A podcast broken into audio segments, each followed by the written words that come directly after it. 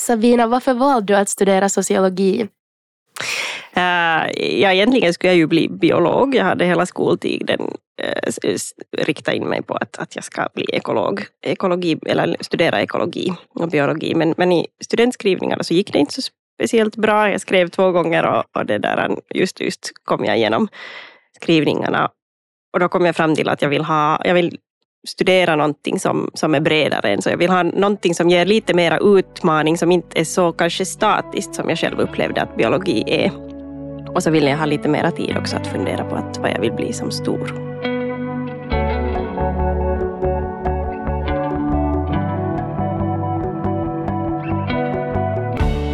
Välkomna till serien Alumnmöten där vi idag möter Sabina Fortelius, eh, utbildningsansvarig vid Finlands flyktinghjälp och uh, alumni sociologi från Sossokom. Med mig i studion har jag även Rebecka Häggblom, nyutexaminerad kandidat i sociologi och Elina Oinas, professor i sociologi här på Sossokom. Själv heter jag Alva Stenman och i den här podcastserien ska jag ta reda på hur karriären kan se ut för någon som har studerat vid Sossokom. Sabina, vilket år utexaminerades du och vad har du sysslat med i efterhand? Ja, 2011 så blev jag kandidat i sociologi eh, och efter det så började jag samma höst genast vid ett, ett engelskspråkigt magistersprogram som då fanns vid Sossokom också. Eh, ERI, uh, Master's Degree Program in Ethnic Relations, Cultural Diversity and Integration. Och det där, uh, där blev jag färdig 2014 från det. Så två, okay. två, två år egentligen. Och, och efter att jag blev färdig så, så jobbade jag ett år som kanslist vid Folkhälsan. Och, och sen efter det, jag var aldrig på utbyte under studietiden, så, så det där, Um, efter det ena året så, så, bestämde vi med min partner att vi, vi flyttar utomlands till London. Han, han åkte på utbyte och jag bestämde mig att åka med. Uh, mm. för, att, för att jobba och eventuellt göra frivilligarbete i, i London. Se lite annat än bara Helsingfors. Um, och så efter att jag kom tillbaka så, så jobbade jag några år som projektledare för ett mångfaldsprojekt vid scouterna. Där vi då Uh, syftet var att, att öppna upp scoutingen för allt fler och bredda på målgruppen för de som känner sig välkomna och vill, vill börja i scouterna. Uh, och efter att jag hade varit på organisationssidan så tänkte jag att nej, nu vill jag göra någonting annat. Så, så då började jag jobba faktiskt som tjänsteman vid, vid Nylands TE-byrå. Uh, mm. så, och därifrån så, så flyttade jag över till Helsingfors sysselsättningstjänster i och med att det var en, en det där organisationsförändring ehm, på gång där.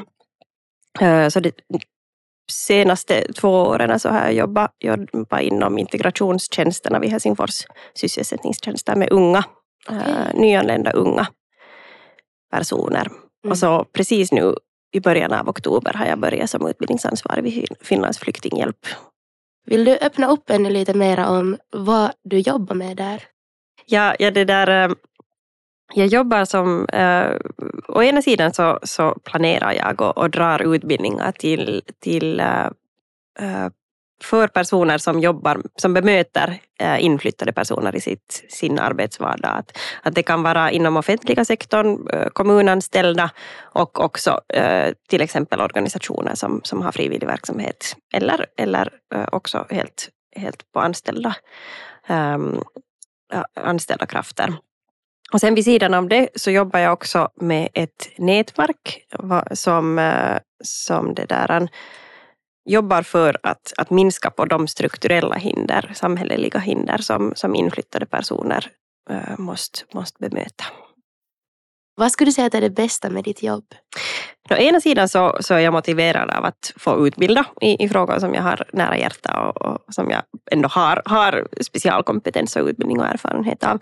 Eh, men sen vid sidan av det så, så är jag själv personligen jättemotiverad av att få jobba i det här nätverket.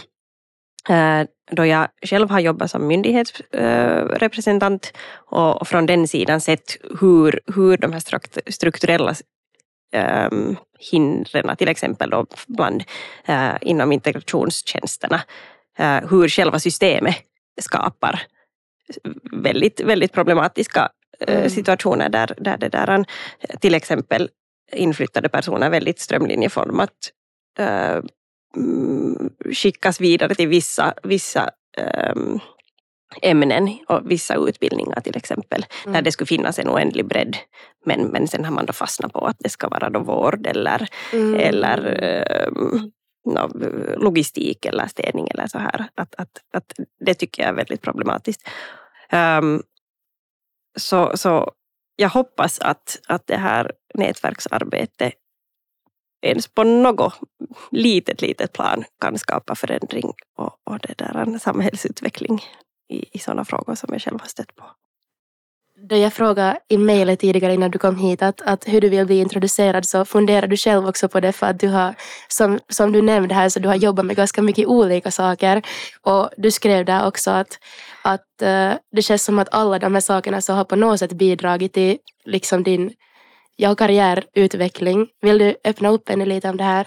Ja, så är det ganska bred, bred bakgrund, men kanske den där röda tråden ändå har varit dels uh, den här integrationstema, uh, invandrartema, men sen också på något sätt en, en, en önskan om att skapa förändring, att göra mm utveckla någonting så att, att, att det blir bättre från, jämfört med, med startpunkten. Mm. Att, att det där, och det är ju så nog också att, att, när man ser tillbaka så är det lätt att, att hitta de där gemensamma punkterna och skapa en röd tråd. Att mm. det här ledde till det här och det byggde på vidare och så vidare.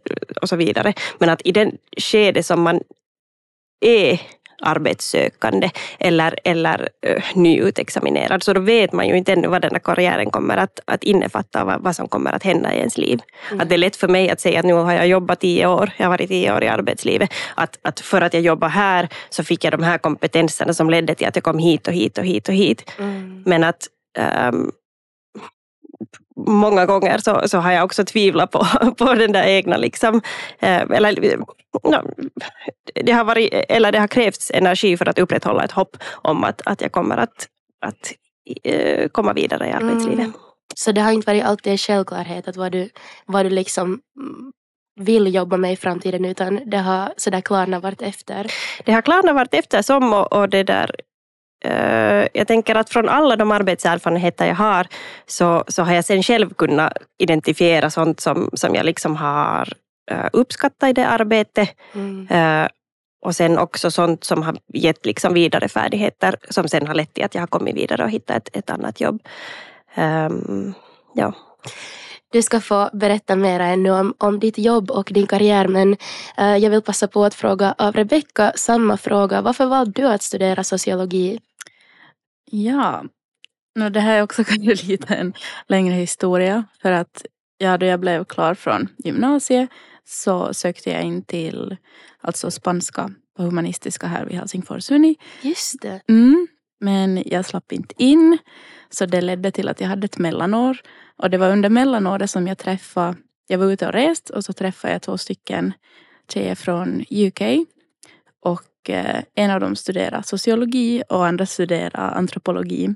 Mm. Och jag blev väldigt intresserad av deras studier och liksom de berättade om vad de studerar. Och, och så började jag googla att var kan jag studera det här i Finland och på svenska. Så ledde det mig till Sossokom då helt enkelt. Att jag visste inte alls om det innan, innan mitt mellanår.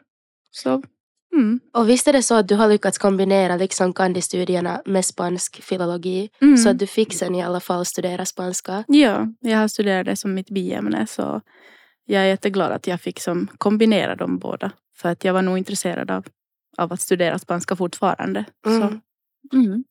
Vad, vad har du gjort efter studierna? Du blev färdig tidigare i år. Ja, jag valde att eh, söka till ett annat magisterprogram genom det här magisteroption mm. eller valoption, ja, vad nu det heter. Mm. Så jag sökte in på samhällspolitik på, på Helsingfors universitet. Då. Så där har jag börjat nu i september och eh, det är nog intressant och jag tycker om det. Mm. Känner du att du har mycket nytta av liksom dina studier i sociologi och, och spansk filologi i det här magisterprogrammet som du gör nu? Ja, alltså nu har jag det. Och no, särskilt just av sociologin. Mm. Att, att det är nog en grund som ligger där. Men nu måste jag tänka kanske lite annorlunda. Som i analyser och, och allt vad vi studerar. Mm. Har du haft någon just praktikerfarenhet eller arbetserfarenhet under studietiden? Jo, jag gick min praktik på Finlands UN Women, eller UN Women Finland. Vad står det för? Alltså FN Kvinnor Finland. Så det är liksom organisationen som arbetar för jämlikhet vid FN då. Just det. Så där var jag på hösten 2021 Mm. och jag jobbar inom kommunikation då. Okej. Mm. Elina, ehm, nu när du har hört lite om här vad Sabina och Rebecca har berättat om vad de har jobbat med och vad de har varit på praktik och så, och så vidare så ehm, ja, tycker du att det reflekterar de arbetsmöjligheter som finns för någon som har studerat sociologi? Eller ja, vad kan man egentligen jobba med när man har studerat sociologi? No, det var ju jätteroligt att höra. och Jag tror att det faktiskt är ganska typiskt. Eh, men, men alltså det som är svårt för mig är att vi, vi har ju uh, jätteolika yrken hos folk som blir färdiga härifrån. Att det är allt från, men det här är rätt så typiskt att jobba i en organisation med planering eller förvaltning eller att, att man liksom skapar projekt som försöker ja, få nå- något fenomen framåt i samhället. Eh, Men sen just myndigheter. eh, Många blir journalister, politiker eh, i kommunförvaltningen. Man kan bli liksom kommundirektör med sociologipapper. Eller sen just att planera olika sådana här eh, typer av förändring i samhället. Just det. Lärare kan man också bli. Jätte, jätteolika. Men Mm. oftast sådana som... Alltså jag tror att när det inte är ett ämne i gymnasiet så är det många som inte riktigt vet vad det är. Men om vi tänker på våra samhällen och, och demokratiska samhällen så finns det jättemycket folk som jobbar för att vi ska känna tillit och för att det ska funka. Mm. Och det är ofta just samhällsvetare och det, det är ofta sociologer som liksom ligger bakom det att vi inte behöver märka samhället. Att om du har sig polisen så finns det i, liksom, hos polismyndigheten en hel del samhällsvetare som ordnar det. Mm. Det är svårt att förklara men det är egentligen ganska tydligt när jag tittar på de här studerandena att, att de läser i, hos oss först tre år och sen magister två år och får en väldigt sån allmän och bred insikt i hur samhället funkar, vad det finns för liksom individuella friheter och normer och värderingar som, som blir till gemenskap som sen påverkar oss och vi påverkar Mm. samhället. Inte råkar du veta liksom statistiskt att, att hur bra sociologer placerar sig i arbetslivet? No, det är faktiskt förvånansvärt bra. Mm. Att, att vi har ibland kollat de här siffrorna och varit förvånade att det är bättre än ekonomer. Okej. Att, att det är liksom, för att det där fältet är så stort Mm. och vi kan jobba med så olika saker. Att många tycker nog under, liksom, där mot slutet av studietiden att äsch, att jag kan ju ingenting. Mm. Men sen när vi lyssnar på alumner så märker vi att, att visst att många tycker att just den där liksom kombinationen av att kunna ganska som, såna, äh, allmänna teoretiska verktyg till hur äh, organisationer och samhällen fungerar är nyttiga. Sen har vi det där med kunskapshantering, att man söker snabbt kunskap om olika, äh, från olika källor och kan kritiskt värdera. Och sen Mm. att producera egen, eh, ja, sammanfattningar av olika slag. Så det är jättenyttigt i arbetslivet. Så att de har nog placerat sig väl. Men det där liksom att kunna gissa och identifiera vad jag själv vill, så det tar lite tid. Men Mm. den tiden ger vi också. att Många har tyckt att det är ganska skönt att få fundera i lugn och ro under studietiden. Att man, man, man behöver inte välja först och sen blir man det. Utan hit kan man komma och, och lite, läsa lite dittan och dattan och olika, liksom det finns massor med kurser på hela Helsingfors Uni. Och sen Mm. har vi det här ganska trevliga lilla gemenskapen på Sossokom. Att det går att välja ganska brett och ändå finns det liksom en sån här tydlig bas här. Sabina, känner du alltså igen det här som Elina beskrev, att man ändå i slutet på studien kan känna en stund sådär att, att vitsi, vad är det jag egentligen kan? Absolut, absolut. Mm. och det, det är nog någonting som jag också eh, liksom känner igen i min egen erfarenhet. Men att, att jag tänkte ännu eh, spinna vidare på det som, som Elina sa, att, att, att sånt som jag själv har lyft upp i arbetsintervjuer eller ansökningar så är just en sån liksom kompetens i kritiskt tänkande och, och ett analytiskt sån här, liksom, förhållandesätt till saker och mm. ting. Mm. Och, och, också till och med i, i mitt arbete där jag jobbar som handledare vid, vid sysselsättningstjänsterna där det var väldigt så här konkret um, på personnivå, att mm. individ, individhandledning så, så tycker jag att den där sociologin gav ett, gav ett liksom, um, mervärde eftersom jag kunde då analytiskt se hur samhället fungerar och, och lagstiftningen fungerar, uh, politiska beslut fungerar och vad de har för inverkan. Mm. Och så kunde jag då liksom bryta ner det i, i liksom förklaringar så att, att den här nyanlända unga kunde då förhålla sig till, till saker och ting i, sitt, i sin egen process. Mm. Eh, uh, Sabina, jag vet att du hade etnicitet och Afrikastudier som biämne under kandidatstudierna. Um, Elina, är det vanligt att man har just något annat ämne som man studerar vid sidan om eller just så här lite kanske uh, specifierar sina studier enligt intresse? Ja, alltså man får ju plocka ganska fritt här hos oss. Att man läser huvudämnen, man läser obligatoriska kurser men sen får man liksom specialisera sig på någonting om man så vill. Så att det finns liksom tematiska områden från ledarskap till eh, Sen kan man läsa de här andra socionomämnen som journalistik, kommunikation, statskunskap, rättsvetenskap.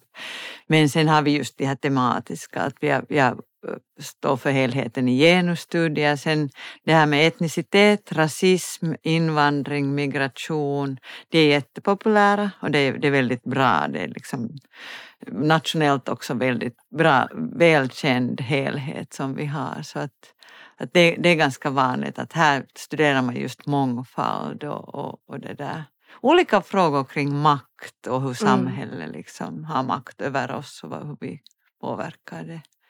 Så, och, men sen kan man också välja från hela universitetet. Så du kan läsa uh, Sustainability Studies, du får läsa uh, paket på engelska om du vill. Så att det, det liksom, vi, vi, vi ger frihet men man kan också komma hit och välja först sen. Att man behöver inte precis veta vad man vill utan det, det liksom, man skapar sina egna paket. Sen kan man också studera utomlands ett tag så att man kan få ett halvår någonstans till våra partneruniversitet och läsa. Det har ju du också gjort Rebecka. Mm. Vill du berätta lite om det? Ja, jag var på utbyte i Colombia, i Bogotá och eh, det var just vid ett sånt här bilateralt avtal som mm. Helsingfors mm. universitet har. Mm. Så jag var där våren 2021. Mm. Och det var just lite kopplat kanske till mitt biämne också eftersom jag studerar, studerar spanska och eh, jag är intresserad av Colombias samhälle och, och kultur. Mm. Var det så att du inkluderade någonting med Colombia i, dina, uh, i din typ kandidatavhandling eller någonting också? Ja, ja, att jag studerar social mobilitet i Colombia. Så det var väldigt intressant att också få liksom berätta om min erfarenhet och, och eh, ja, berätta om Colombia helt enkelt för att man kanske inte vet så mycket om Colombia här och att det inte har skrivits om det heller just några kandidatavhandlingar. Mm. Ja. Tyckte du det var lärorikt att vara på utbyte? Jo, jätte. Jag, jag lärde nog mig massor och, och jag rekommenderar det åt alla som, som tänker ens lite på det. Att det var nog en av de bästa sakerna med mina studier. Det måste jag säga det där var en bra brygga för jag hade just tänkt fråga att, att vad, vad var det, eller vad är det viktigaste som du tar med dig från din tid på Sossokom kanske jag skulle kunna fråga. Oj, ja det är ju nog mycket men jag tar ju med mycket nog från det här utbytet att eh, ja men att få uppleva och ett annat land och att bo i det och också jag studerade där alltså allting på spanska. Mm. Så det var också väldigt mm. lärorikt att eh, ja, men på universitetsnivå skriva essäer på spanska och, och hålla föredrag på spanska. Det var nog som väldigt stort. Um, men också särskilt de här föreningsaktiviteterna. Att, uh, och flera kompisar. Men det, det är kanske det egentligen. Mm. Det är det bästa som mm. jag kommer ihåg. Mm. Kommer du ihåg någon så här specifik kurs eller något som du har gått som, som var extra intressant eller så? Mm, jag tyckte faktiskt om en kurs i nationella minoriteter. Som var, nu var det ett tag sedan, men, men jag minns att den var väldigt intressant. Mm. Att då forskar vi inom nationella minoriteter då i Finland och okay. höll föredrag. Mm. Och det ordnades här på Sossokom? Mm. Just det. Jag vill fråga dig samma sak Sabina. Vad är det viktigaste du tar med dig från dina studier här? Jag tänker att, att för mig hade studierna ju varit en sån grund och avstamp som jag har kunnat komma tillbaka till många gånger. Och, och, och i och med att den har varit stadig och, och stark så har det sen varit lättare då att, att komma vidare därifrån. Och, och vid sidan av studierna så öppnades faktiskt också arbetsmöjligheter upp för mig. Att jag jobbar, jobbar som forskningsassistent i ganska många olika projekt vid CERN.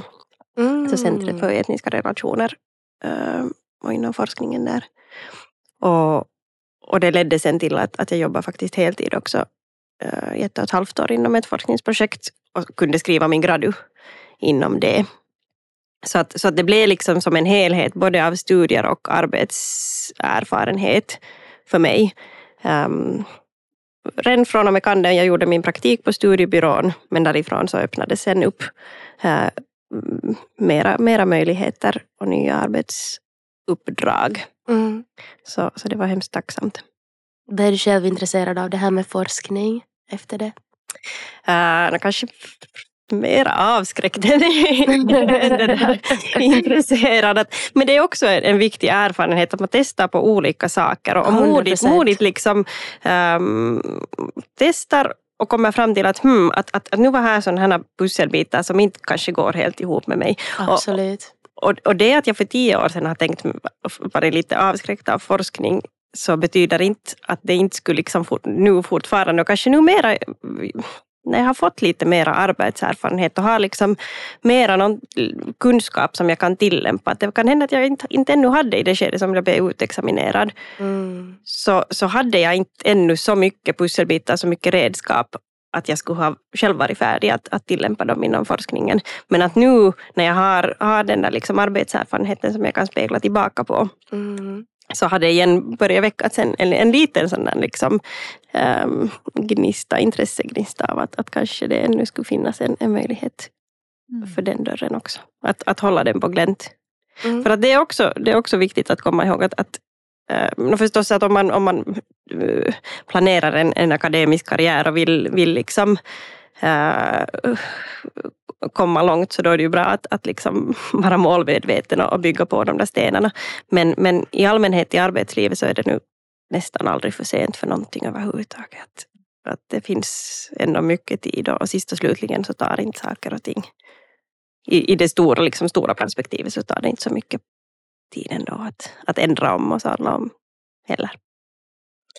Elina, har du någon kommentar till det här? Ja, jag, jag, tycker nog att alltså det, det, det, det, skulle jag se som ett mål, att våra stu, liksom studierna här på något vis avmystifierar det där med forskningskunskap och det fina med universitet. Att, att jag har tyckt att det är jätteroligt att vara lärare just på Sossokom för att här har vi studerande som kommer från jätteolika bakgrunder och det har vi undersökt också att det är inte liksom en elitskola på det sättet utan här kommer folk som vill bli socialarbetare för att de kanske själv har haft en bakgrund där det har behövts och sen har vi folk som verkligen vill bli kommundirektörer för att de kommer från en sån familj att det är självklart att det är någonting som man kan sikta på. Att vi har jätte olika studenter som ändå trivs ihop. Att jag, jag tycker att det, det har varit ganska kiva att se på våra studenter. Som är, där, där finns liksom av både kvinnor och män och, och, och jätte liksom berikande miljö för, för diskussioner över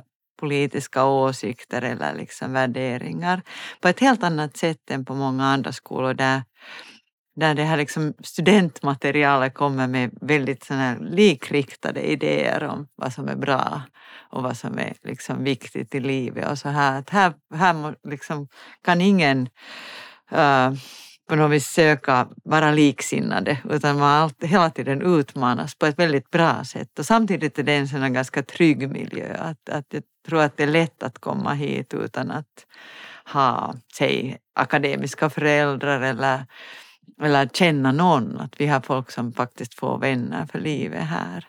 Men, men om jag jämför med liksom, andra studieinriktningar. Att många som kommer hit skulle också ha velat läsa sig ofta juridik, ekonomi på hanken eller psykologi, att det är de vanliga såna liksom andra alternativ till att komma hit. Så här, här har vi liksom en liten skola med mycket mera bredd. Att det är inte bara ekonomin som förklarar allt och det är mm. inte bara lagar, det är inte bara du själv med din psykologi utan vi faktiskt kombinerar det här. Och, och det märker jag hos studenterna att det blir liksom på något vis sådär utmanande att tänka om hela tiden och att de trivs med det. Så det är nog otroligt fint att få vara med om att, att liksom lyssna till de diskussionerna. Savina nickar. ja, ja. Det, jag har inte tänkt, tänkt på det ur, ur det perspektivet som du beskriver men sen nu i och med att du, du det där förklarade så, så känner jag igen mycket av det nog. Ja. Mm. Att jag har ibland tänkt att det skulle, för att, att sociologer är ofta de här världsförbättrarna. Men, men det är nog egentligen jättebra att det inte bara likriktigt så, utan vi har de här säg, slipskillarna och sådana här som vill liksom jobba för företag och, och ha liksom helt andra mm. idéer om, om vad som är viktigt. Och, och då, de här möten är jätteintressanta. Mm. Och, ja.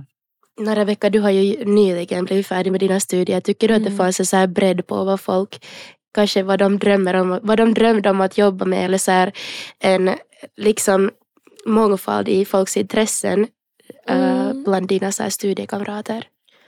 Ja, alltså jag tycker nog det. Och de flesta är just kanske lite osäkra eller inte, inte säkra på vad de vill göra. Mm. Och eh, det är nog ganska väldigt vanligt. Jag är en av dem. Mm. Men det är sådär, nu, nu har man hört en hel del mm. olikt. Mm. De som du studerar med, så vet du alls vad de har liksom placerat sig nu så där i arbetslivet? Mm.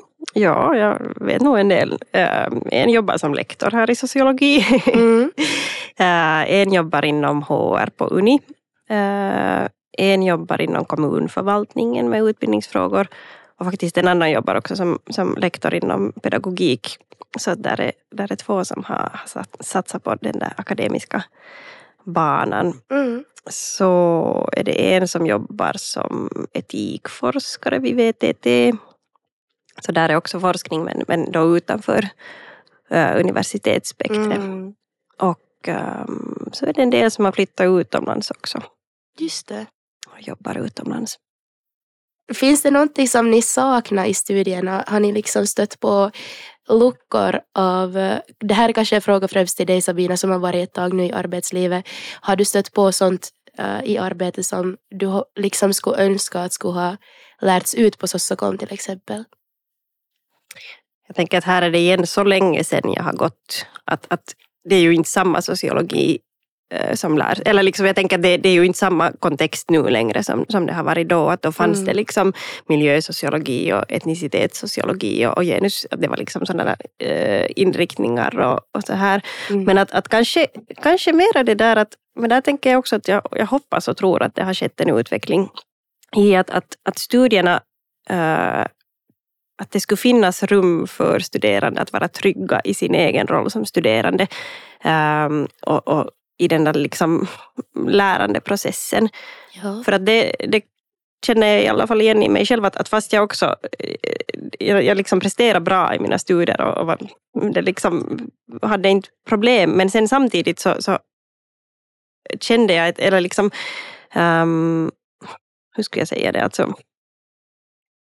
i och med att det var ett ämne som, som var nytt och, och personal, de som utbildar och lär ut är, är, är väldigt liksom kompetenta inom ämne så, så blev det hemskt stora liksom, um, makt, maktskillnader mellan, mellan mig som studerande och, och de som lärde ut.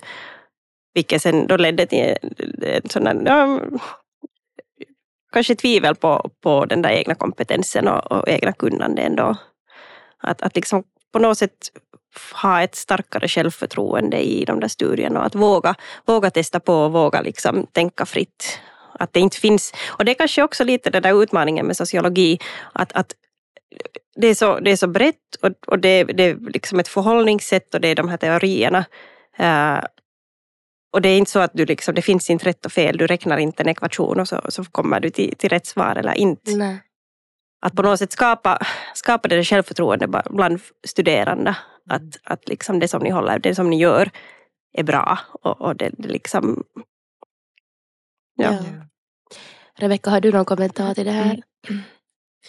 Ja, jag tycker det har varit mycket så här diskussion just mellan endast studerandena och det tycker jag att har varit jättekul. Särskilt i mycket sociologikurser. Att det är sådär att alla som är med då på den här föreläsningen ska studera, studera diskutera sinsemellan.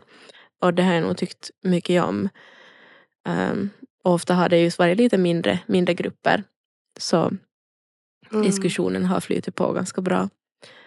Um, men ja, mm. det är typ du har inte upptäckt några så här luckor i någonting som du skulle ha velat lära dig mer om? No, jag börjar bara tänka på det här med just arbetsmöjligheter. Att det tycker jag att, att man skulle nog kunna fokusera mera på. Mm. För att många, i alla fall som jag känner, är just lite sådär osäkra på liksom, vad, vad kan man jobba med? Mm. Och, och jag själv också ibland.